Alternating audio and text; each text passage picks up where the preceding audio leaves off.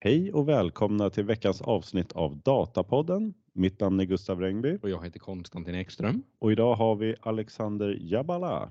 Hej hej! Välkommen! Välkommen! Tack, tack. tack för att vi kom hit eh, till er fantastiska podd eh, som jag har även lyssnat på många eller flera av era avsnitt på. Ja, väldigt kul att, att höra det också. Vi är väldigt glada över det. Mm. Vem är du Alexander?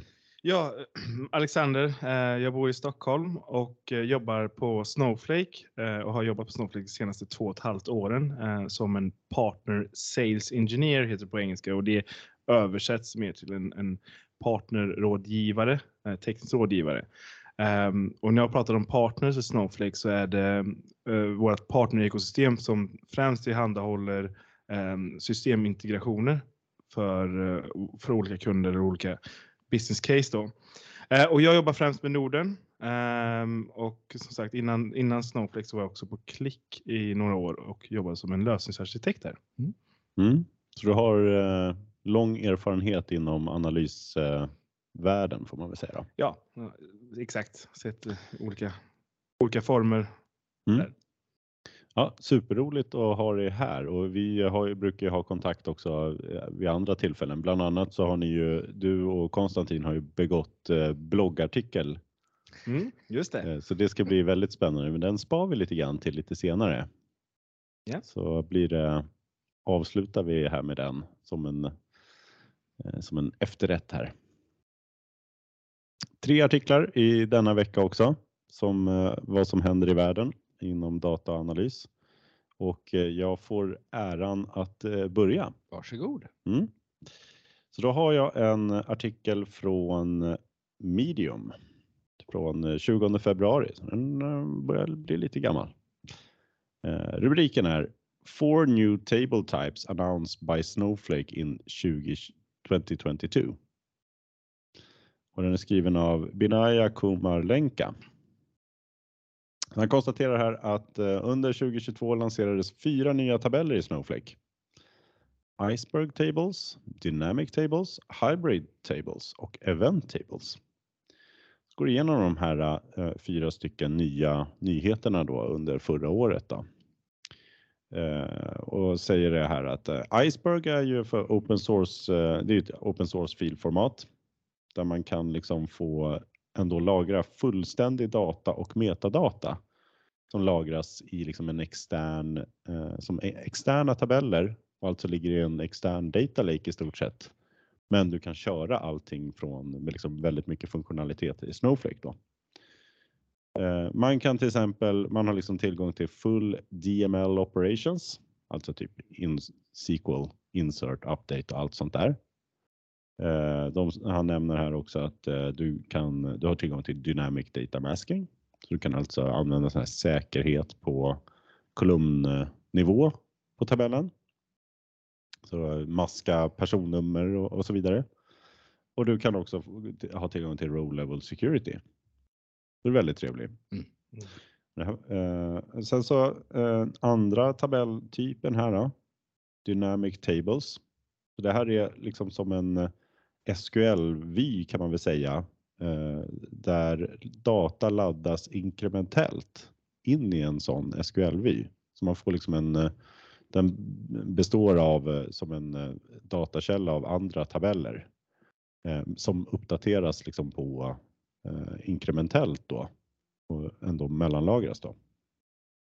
Så det blir bra för att bygga enklare pipelines när man ska bygga liksom SQL SQL-kod. Kallades från början materialized tables. Ja, just. Mm. Eh, sen så har vi hybrid tables.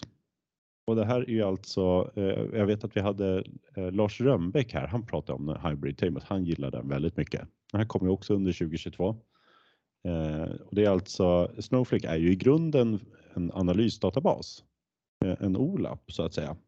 Eh, men eh, de, med den här hybrid tables så får man lite möjligheter då att eh, liksom få till det här med OLTP också. Så alltså eh, det- är liksom en radbaserad tabell då som man eh, lagrar som en mer operativ databas. Och när man pratar om Unistore så är det den här hybrid table som är liksom huvudingrediensen i det begreppet som, brukar nämnas inom Snowflake. Då. Och den fjärde tabellen här då. Event Table är en väldigt ny tabell eh, som spesats nyligen då. Denna tabelltyp ska göra det mycket lättare att logga olika företeelser i Snowflake eh, och liksom vara kopplat till eh, Snowflakes stored procedures funktionalitet och sen också senare till Python och eh, Snowpark nämner han här. Då. Han säger också att alla dessa är, fyra är fortfarande i private preview och det måste väl gällt då 20 februari i alla fall då. Ja, och jag tror att eh, om jag inte missminner mig så är väl allt fortfarande i private preview. Alltså, jag är lite osäker på Iceberg Tables, men all, de andra är i, i private preview. Eh, jag vet att Event Tables, jag tror de siktar på att få ut dem någon gång i slutet av den här månaden eller någon gång nästa månad. Ja, ja Mm. utan jag har en disclaimer här någonstans också. Ja. Ja, det är ju väldigt spännande. Mm. Man undrar ju här liksom, nu fyra tabeller, fyra tabelltyper under 2022. Ja. Vad- Vilka fyra blir det under 2023 undrar jag då? Blir det fyra nya då också? Kommer ni kunna ha så många Mm. tabelltyper? Eh, ja, vi, har ju, vi har ju flera olika tabelltyper sedan tidigare eh, för att underlätta och för att eff- effektivisera eh, användningen av Snowflake. Allt från att hur mycket, hur mycket governance behöver jag, hur mycket, hur mycket security behöver jag? Um, och därav kostar det också lite extra oftast med, med standard tables som vi har. Och sen har vi då temporary tables, transient tables och external tables som man också går igenom här väldigt tidigt i artikeln. Och sen har vi då introducerat de här nya tabellerna för nya use cases och um, på Snowflake pratar vi väldigt mycket om workloads. Um, och eh, om man kollar på de här olika tabellerna så mappar de väldigt bra ihop med olika workloads på Snowflake. Uh, Iceberg Tables till exempel Mm. eh, mappar väldigt bra med ehm, Data Lake, eh, workloaden. Dynamic Tables eh, mappar väldigt bra med ehm, eh, Data Engineering workloaden och även andra då. Men att, få in data på ett smidigt och snabbt sätt till- till Snowflake. Eh, Hybrid Tables är Unistore som vi nämnde, eh, Snowflakes eh, ja, steg mot att ta in då transaktionell data och ha en unified plattform då för all data. Och sen då Event Tables, eh, det är ju någonting som kommer användas väldigt mycket för data engineering workloaden för att då loggarna och se vad som händer. ehm, speciellt också med Snowpark som är nya som, som ni också har pratat om här i podden Mm. innan. Eh, och även då data science-delarna. Så det, det är verkligen use cases och de här workloadsen som, som Snowflake ehm, har då som man, har, som man kan då nästan dela in de här tabellerna till. Ja, den här Event Table, den var ju en riktig eh, joker här. Alltså, den står i den här artikeln från 20 februari, men eh, googlar man på det så hittar man ingenting om det. Du kunde hitta lite grann i alla fall att eh, det, den finns Ja, någonstans. Exakt, jag fick gräva lite internt eh, och den finns, den är i private preview ehm, och är på väg ut i public preview är, och är ju till för att då uh, tracea uh, events och uh, logging och speciellt då för, som vi nämnde, store procedures men även user defined functions och user defined table functions då. Ehm, Idag, I dagsläget så kan det vara lite klurigt att eh, se vad det är som har hänt ifall något har gått fel. Mm. Och eh, med de här eh, vänttablesen ska man kunna då sätta nivån på eh, de här eh, error-meddelandena, eh, varningar eller andra informationsmeddelanden då. Eh, och eh, därifrån förhoppningsvis då lättare kunna, kunna hit- hitta vad det är som har hänt. Mm. ehm, då. Och även följa lite mer standarder ehm, också. eh, runt här. Så för att bygga liksom sin egen loggfunktionalitet eh, lite grann Precis. kan man säga. Ja. Mm. Ja, det är superspännande. Hade han någon favorit, den här författaren? Eh, Jag tror inte det. Han, eh, han eh, tog nog bara räkna upp de här eh, Ja. eh, som jag såg i alla fall. Jag vet Mm. inte om jag, om, jag- nej, jag, jag vågar säga nej. till det i alla fall. Jag kan ha missat det. Ja. Vilken tror du är störst av de här? Liksom? Vilken är? Eh, Jag, är, jag skulle, för generellt sett så tror jag ju Iceberg Tables störst. Mm. ehm, skulle jag säga. Um, och sen så för mig så tycker jag väl att Dynamic Tables är väldigt coolt för att det möjliggör också ett, ett, ett use case um, som Snowflake också jobbar väldigt mycket på att, att kunna streama in data. Mm. Vi, har ju, vi kan ju göra det med Snowpipes idag, Mm. uh, men Snowflake har också introducerat nu någonting vi kallar Snowpipe streaming. Mm. Uh, så istället för att ladda in filer så kan du då ladda in rader. Um, och med hjälp av då Snowpipe streaming så kan man använda sig av de här dynamic tables för att sedan då ja, följ, följ, fullgöra den här pipelinen då. Um, Så det blir lite grann istället för att ha plockar som kör över batchar så liksom streamas det upp mellan tabellerna. I- Ja, i, i dagens, i- så som det ser ut idag och så som det används idag så har du oftast en snowpipe som du satt upp och sen har du då din eh, råtabell, eh, landningstabell och sen har du då streams och tasks eh, som är då Snowflake-objekt. Ehm, det, du, det vi kan göra med den här, de här Dynamics Tables är att ersätta de här streams och sk- eh, skriva mer komplex ETL eh, och för att sen då eh, komma till, eh, få datan till din target table då som Mm. du vill ha. Men det är typ som om du skriver en store procedure med insert update delete på en tabell. Men Ja. istället för att göra det så gör du bara en vy och så säger du den här ska laddas här ofta. Ja, i, i princip. Och, eh, jag, jag tror i dagen, jag tror, vi har ju objekt då som, som bör användas snarare än då en procedure i de här streaming. Ja, just eh, och då är det då tasks och streams då Mm. som är de här objekten. Då, som man, ja, men jag, en tror, väldigt trevlig Ja. funktionalitet. jag tror att Dynamic Tables är väl den eh, som jag tycker är, är mest spännande från Snowflake. Men, men generellt sett så är det nog Iceberg Tables. Som Mm. är, det är ju ett format som utvecklats från eh, Netflix eh, och sen då eh, vad kallar man det, skänktes bort eller gavs tillbaka då Mm. eh, senare eh, till och eh, ett open, open source Mm. format då. Jag tror det är väl det största ehm, Mm. tabellform, open source tabellformatet. Eh, Jag tror det här Data Lake, det, det är ganska långt, så, långt ner på listan. Framförallt om man kollar på um, så här contributions Mm. så har ju Iceberg har ju liksom må, många stora som bidrar. Medan om man tittar på typ Delta Lake, det är liksom, ja det är ju ett bolag som ligger bakom liksom i princip 80% av alla commits ungefär. Mm. Mm. Ehm, Ja men precis. och Ja, det är ju en förutsättning om du ska ha ett open source att det är buy-in från väldigt många. Mm. Ja, men jag håller med. Communityn där är ju väldigt stor Mm. Ehm, och det är ju en, det är en väldigt, väldigt stor fördel. Och sen är ju då skillnad då kanske från Delta Lake så är ju Iceberg, det är ju eh, fullt open source Mm. ehm, också. Så det är också en sån grej man kan ha i åtanke. Mm, Och sen också vad det är för format som stöds där också. precis. Konstantin, hade du någon favorittabell här då? Som ställer frågan.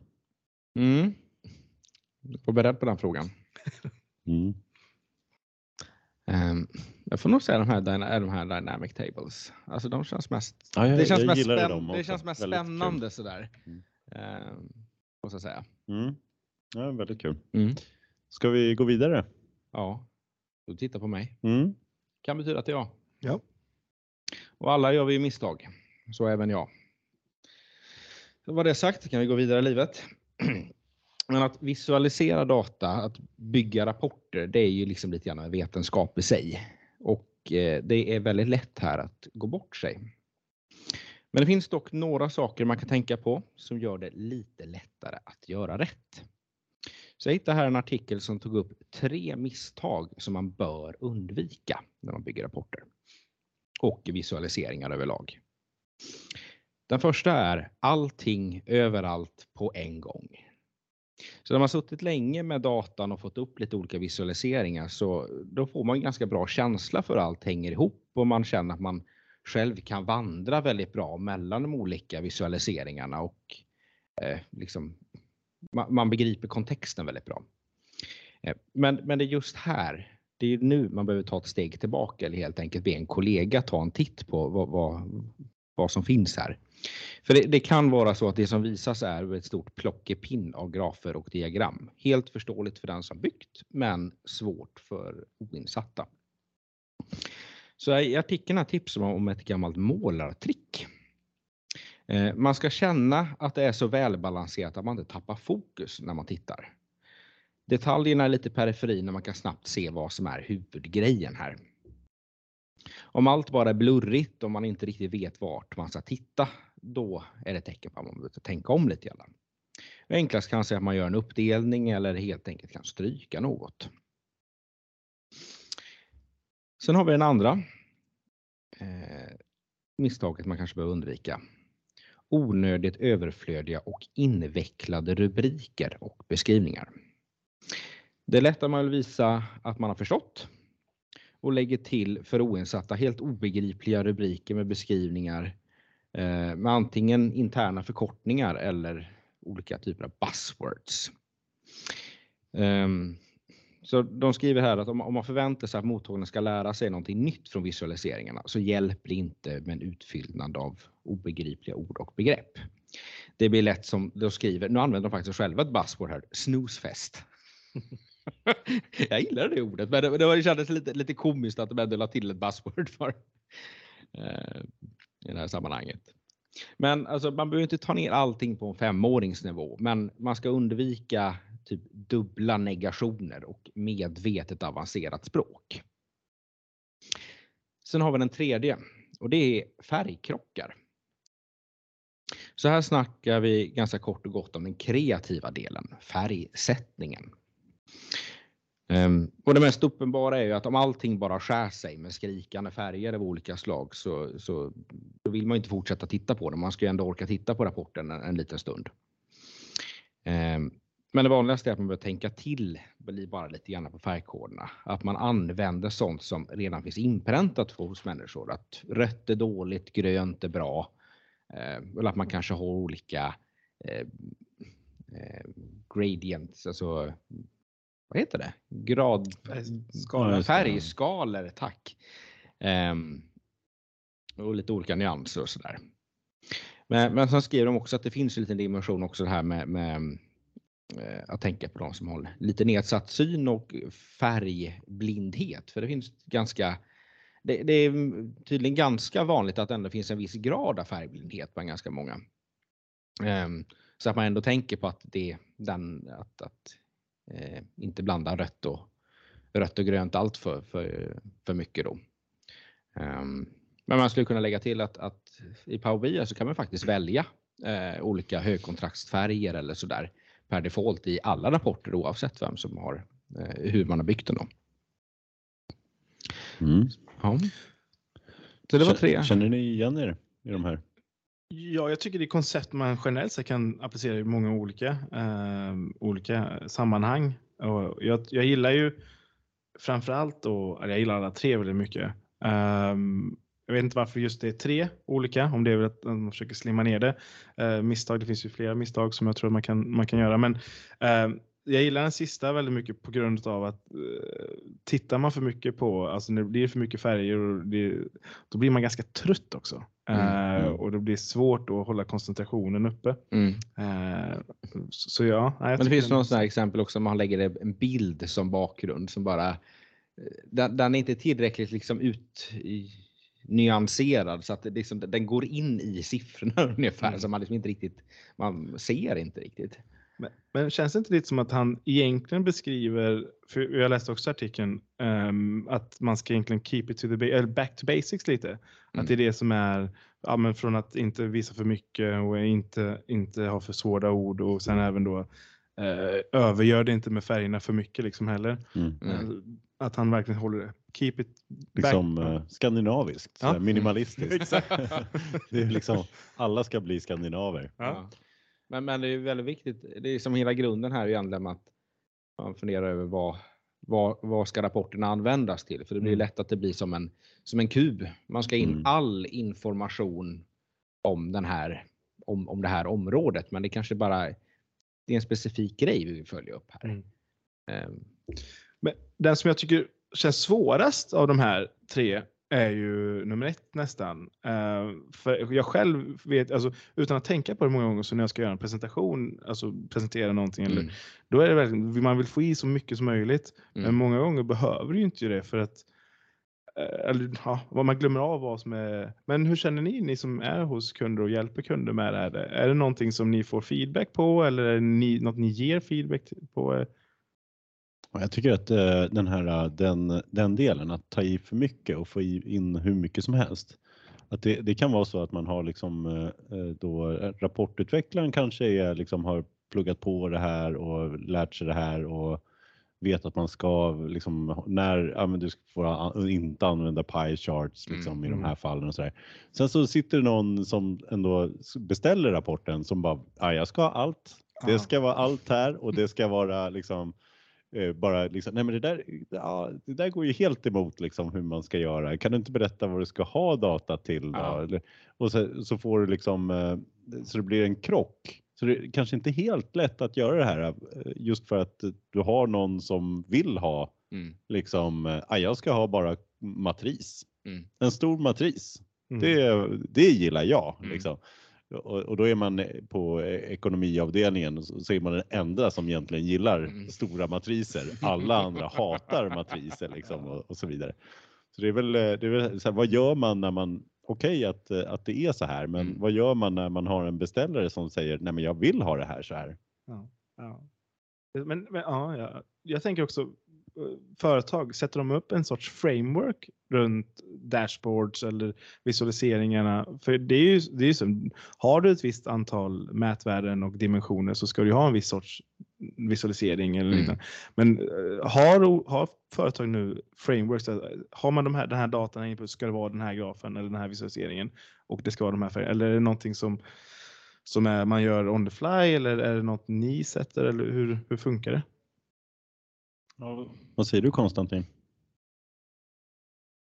Det blir väl relativt, alltså det blir ju ut efter beställningen så att säga Mm. och så får man för det blir ofta så här när du säger att det liksom blir tilläggsbeställningar. Man kan ju ha liksom, man börjar ju med en, en grund. Det är det här som ska visas. Så den kan vara antingen väldigt detaljerad eller så är den ganska, eh, ganska mycket utrymme att, att göra någonting med det. Och då gör man liksom den här första produkten. Men sen kommer det, men jag vill bara ha det här värdet också. Mm. Och jag vill se den här. Så att oavsett hur man börjar så kan det lätt bli om man inte på något sätt håller efter, tänker till någon struktur att ja men då kanske vi ska göra en ny rapport som bara visar det här. Mm. Och så kan man plocka lite grann från dem eller att man Ja. det är som, det är som ett kontinuerligt arbete. För det tillkommer ju också saker allt eftersom man vill följa upp att det, det händer saker i bolaget. Ja men nu måste vi följa upp det här. Ja. Eh, är det bara att lägga till någonting här eller ska vi skapa en ny rapport? Ja, Eller typ olika nivåer liksom, där du har först en lite mer övergripande nivå och sen behöver du gå ner, får du filtrera ner liksom, Mm. och ha kanske någon what if eller något liknande. Att Mm. man går djupare och djupare för att jag tror att majoriteten behöver inte gå till andra eller tredje nivån utan Nej. de behöver Mm. stanna första. Mm. Och då kanske det blir för mycket om man visar allt på första utan då är det bättre att ha olika nivåer då. Ja, man får liksom eh, pressa in det där och inte vara för snäll. Nej. Eh, Om man nu tar fram en rapport till eh, en kund och försöka ändå eh, få det, styra det åt, åt rätt håll här. Mm. Jag tänkte på det här med rubriker och sådär. Mm. Jag tycker lite samma sak där, att man kan, man kan ju ha liksom tanken här från början så har man tagit fram en business glossary. Eh, man har kommit överens om vad sälj är Mm. till exempel. Försäljning. Och det är liksom rubriken ska vara försäljning så att det, är, det är inga konstigheter. Sen så kommer det någon och säger så här, oh, men vi behöver ha en specifik rapport här. Vi är ganska många som är intresserade av försäljning fast det är en slags preliminär försäljning. Det är inte samma sak som försäljning för vi ska filtrera bort det där, det där Mm. och vi ska göra det där. Mm. Och då kan vi inte kalla det försäljning för det blir ju helt fel. Mm. För då kommer folk tro att de tittar på försäljning. Mm. Så då måste man hitta man på någon sån här eh, liksom extra rubrik. Det blir liksom komplext då. Mm. Ja, det här är alltså försäljning utan det där. Eller liksom, det Mm. blir krångligt Mm. så, här, så fort du kommer in och träffar liksom verklighetens betongmur. Mm. Och då får man inte sitta med de där enkla liksom sådär, utan då blir det det här preliminärförsäljningen eller eh, försäljning exklusive Proforma. eh, precis kategori A. Liksom. Det, det är ju sånt man kanske inte tänker på precis när man säger nu ska vi göra en cool dashboard och Mm. visualisering. Och sen så börjar man och så kommer man få just det, vad ska den heta? Eller, och just det, vad ska vara för färger? Alltså det byggs ju på så det är ju, Mm. men ja, ja, det känns väl lite som att han i artikeln att han har tre ganska bra grejer att tänka på men att det är, Mm. det är så här, ja, ja men det här är ju ganska obvious egentligen. Det är ganska, Mm. Tänker inte alla på det men det gör, det gör man ju inte liksom. Så, Nej, nej. Man får väl ha det här i huvudet och sen så måste liksom verkligheten kommer träffa en och, och man kommer vara tvungen att göra avsteg från de här ändå. Mm. Eh, för det finns skäl varför man gör det liksom, Mm. ganska ofta. Ja, men, eh, spännande. Det är en bra, det, vi, vi får lägga de här på minnet och komma ihåg det. Mm. Helt enkelt. Mm. Ska vi gå vidare? Nu till Alexander? Ja, dagens huvudrätt höll jag på att säga, men Ja. huvudnyhet. Ja. Ja. e- efterrätten här då i tre, Mm. tre rätter så blir det ju den. Ehm, ja, jag ska ju gå igenom en artikel som är gjord av eh, två stycken fantastiskt snygga eh, författare. Jag själv då och eh, Konstantin som sitter Jag bredvid trodde mig. du säga Ja. me myself. Nej, ja, jag hade kanske kunnat göra det. Äh, Eh, på tal om eh, titlar då, eh, så är titeln på den här artikeln Supercloud, the race is on and Snowflake is the front runner. Eh, och I artikeln så beskriver då både jag och Konstantin här eh, först konceptet runt Supercloud och jag vet att ni har haft ett avsnitt tidigare eh, på den här podden om Supercloud där ni går igenom det. Eh, det var ganska tidigt Ja.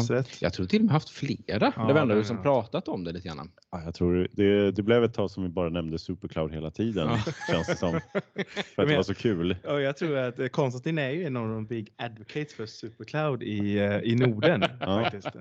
Men det, det är bra. Jag kommer ihåg när vi började läsa om, på om Supercloud, var- vi, vi fann faktiskt inte så mycket information. Nej. Men ju mer tiden har gått och så är vi också och nu är vi också del av den här revolutionären av Supercloud här nu då.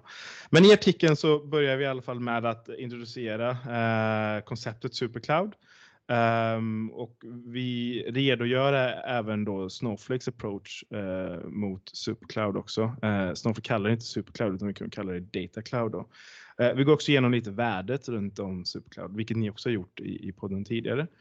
Um, och i början då så beskriver de med tre olika steg och Konstantin du får jättegärna fylla i om jag missar någonting Mm. Um, men det är att kunna eh, köra, ehm, köra dina services på flera olika clouds ehm, och, i- mellan olika regioner då eh, utan att egentligen behöva koll på underliggande infrastruktur.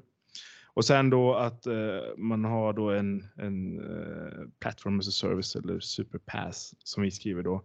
ehm, som då eh, abstrakterar, eller säger man så på svenska? Gör Abstraherar, ja. Abstraherar, så, Mm. så säger man. Tack.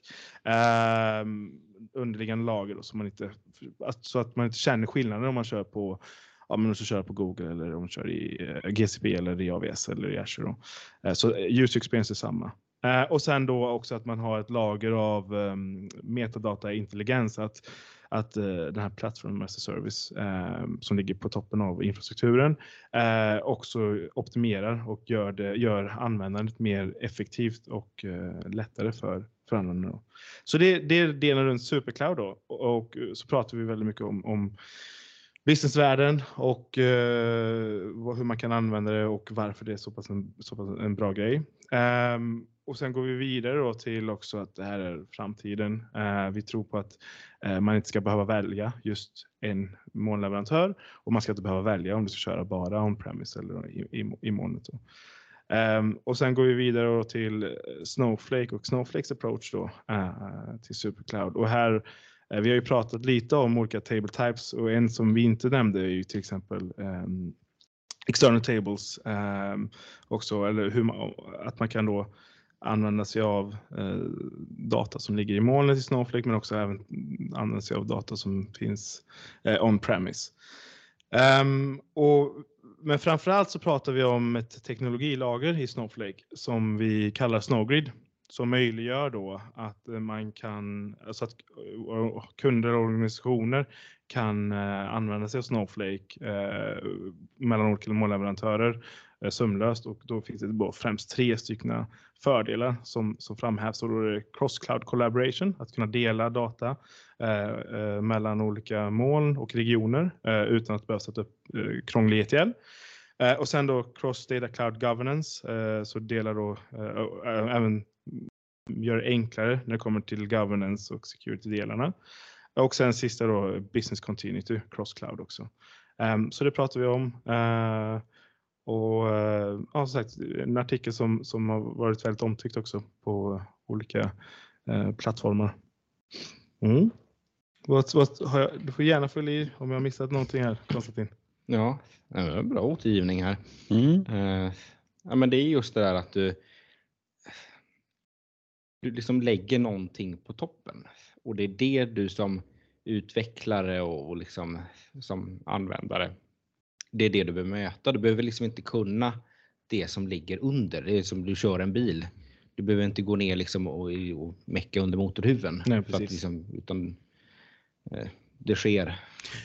Ja, och det är ju en, det är en stor fördel också som jag också pratar om, eh, att man tillåter eh, företag och organisationer att göra det de är bra på och inte behöva hålla på och fine-tuna och, och spinna upp servrar och, och, och tänka på hur man sätter upp olika eh, pipelines, utan det ska bara funka och så ska, du, ska data engineers fokusera på det de vill göra, data science ska fokusera. Och så, ehm, och men också att om, om du är ett globalt företag och vill köra en viss del ska köra i en molnleverantör och en annan del av organisationen kör ett annat så ska man kunna göra det utan att det ska behöva eh, kompromissas. eh, Utan, Och du får ju bort data, eh, datasilos. Exakt. För det får du ju annars då när det ligger på fysiskt på olika platser. Mm. Men du kan, ju, du kan ju ha det fysiskt på olika platser, men du får liksom en gemensam experience. Du kan ju utnyttja det. Du har tillgång till det. Precis. Utan, Mhm.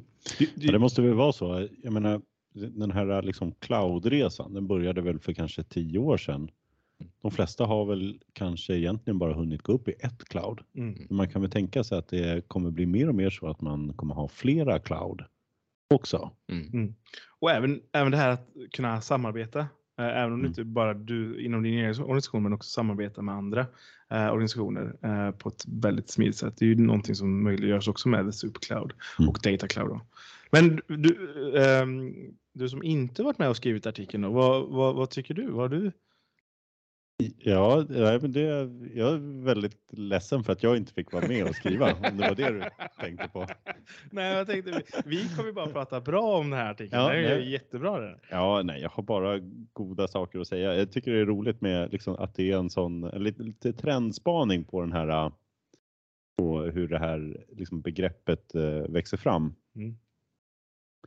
Men Jag tänkte så här, om, eh, om man tittar, jag vet inte om du har om du har sån inside information här eller om du har någon eh, spekulation om Alltså om man tittar på vilka som väljer en multicloud konfiguration. Mm. Är det någon speciell typ av organisationer som är mer vanliga där eller är det liksom bara sporadiskt? Nej, det, finns, det finns några som är lite mer självklara och då är det framförallt de stora ehm, bolagen som har då eh, entiteter i olika delar av världen eh, och, och också där det ställs krav eh, från olika eh, håll att eh, skulle någonting hända den här regionen i den här mål, mål, hos den här molnleverantören ska det automatiskt då kanske eh, flyttas över till en annan region utan någon downtime och, och Mm. Så, så det finns och det, det där hamnar det runt den här business continuity delen.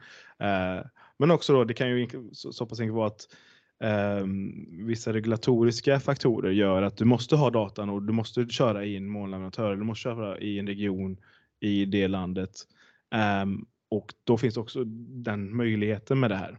Mm. Ehm, så det här är egentligen för att ja, eh, kunna göra det här åt de här större organisationerna idag ehm, som har de här entiteterna och som vill kanske då managera det och se, ha en mer överblickande vy över allting. Ja. Mm. Om jag också spekulerar lite grann så kan det också vara så enkelt att man köper upp ett annat bolag. Ja. Ehm, och de har sin, de ligger i ett annat mål. Mm. Ehm, och det flyttar man ju inte över en natt. Mm. Men har man då möjligheten att ändå konsumera och utnyttja det som ehm, ligger i de båda, då, då är det liksom inget problem. Ja, men precis. Och vad var det vi såg det här äh, begreppet först? Var det Silicon Angle Mm. som var mediet där det Precis. först pratades om det? Ja, de har ju drivit det ganska hårt. Eh, för det är väl det är en tidning, webbtidning Mm. och Mm. en eh, organisation. De organiserar bland annat The Cube har de som en. eh, Exakt. Och där är ju ehm, Det var ju en av grundarna för Snowflake med. Daggerville, François Ja. Daggerville var med. Han, han var där och blev intervjuad. Eh, och då pratade han också mycket om ehm, Snowgrid Mm. snarare än faktiskt Mm. nämna Subcloud och, och Snowflake Data Cloud då, vilket är våran, Mm. våran, eh, våran, våran approach mot det. Då. Eh, Ja, är det, jag tror de, de tog väl upp också för att liksom få andra exempel. ServiceNow räknar de väl också som en Supercloud, eller? Ja, jag, jag vet inte om de räknar. Alltså, om man kollar på det, den definitionen och den definitionen som ni har tagit upp innan ehm, så är ju varken Snowflake eller ServiceNow den här korrekta definitionen för Supercloud. Mm. Eh, men, och det, det, det är därför vi också skriver Frontrunner och Pioneers att Snowflake och Mm. ServiceNow är också en av dem då. Ehm, för det saknas några aspekter. Ehm, men ja, de är med som, som ledande sta, eh, lösningar Mm. mot Ja. Supercloud. Nej, det blir väl lite sådär, det, det är ju svårt att säga för det är ju så himla, eh, liksom någon slags, någonting som händer bara. Eh, lite oförhappandes. Mm. Eh, men- man undrar liksom till exempel, vi- jag vet att eh, liksom en, en annan typ av tjänster är väl kanske liksom så här att du eh, liksom utgår från sådana här containrar eller Kubernetes eh, grejer. Mm. Men då utnyttjar du inte liksom mer komplexa tjänster på molnplattformen. De borde ju inte räknas som supercloud va? Nej, de blir ju ett steg längre ner. Precis, det är liksom Ja. Ehm, och, och det är också om man kollar på de tre eh, kategori, kategorier, eller de tre delarna vi pratar om. Eh, då är det speciellt den sista och metadataintelligensen uh, optimized ehm, för, för de här olika molnleverantörerna. Eh, när, du ska, när vi pratar Kubernetes och liknande, då, är det väl, då, får du ju, då får du göra väldigt mycket mer själv. Mm. Ehm, det är inte något managerat åt dig eh, Nej. på det sättet. Ehm, Nej, och man vill ju dra nytta av alla möjligheter och funktioner som finns ändå i, i liksom hela molnvärlden får man väl säga. mm. Ja, spännande.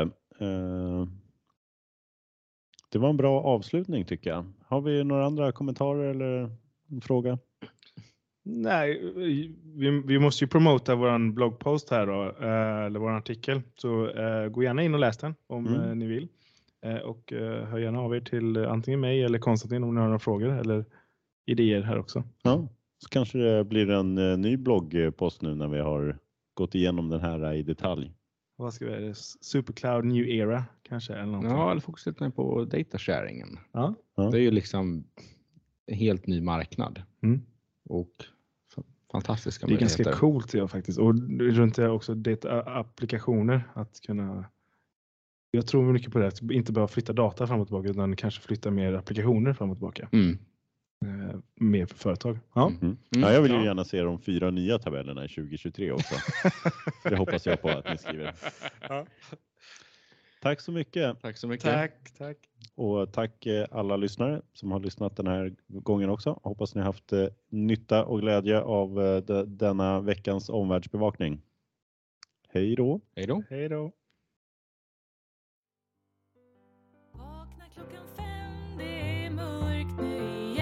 Igen Som om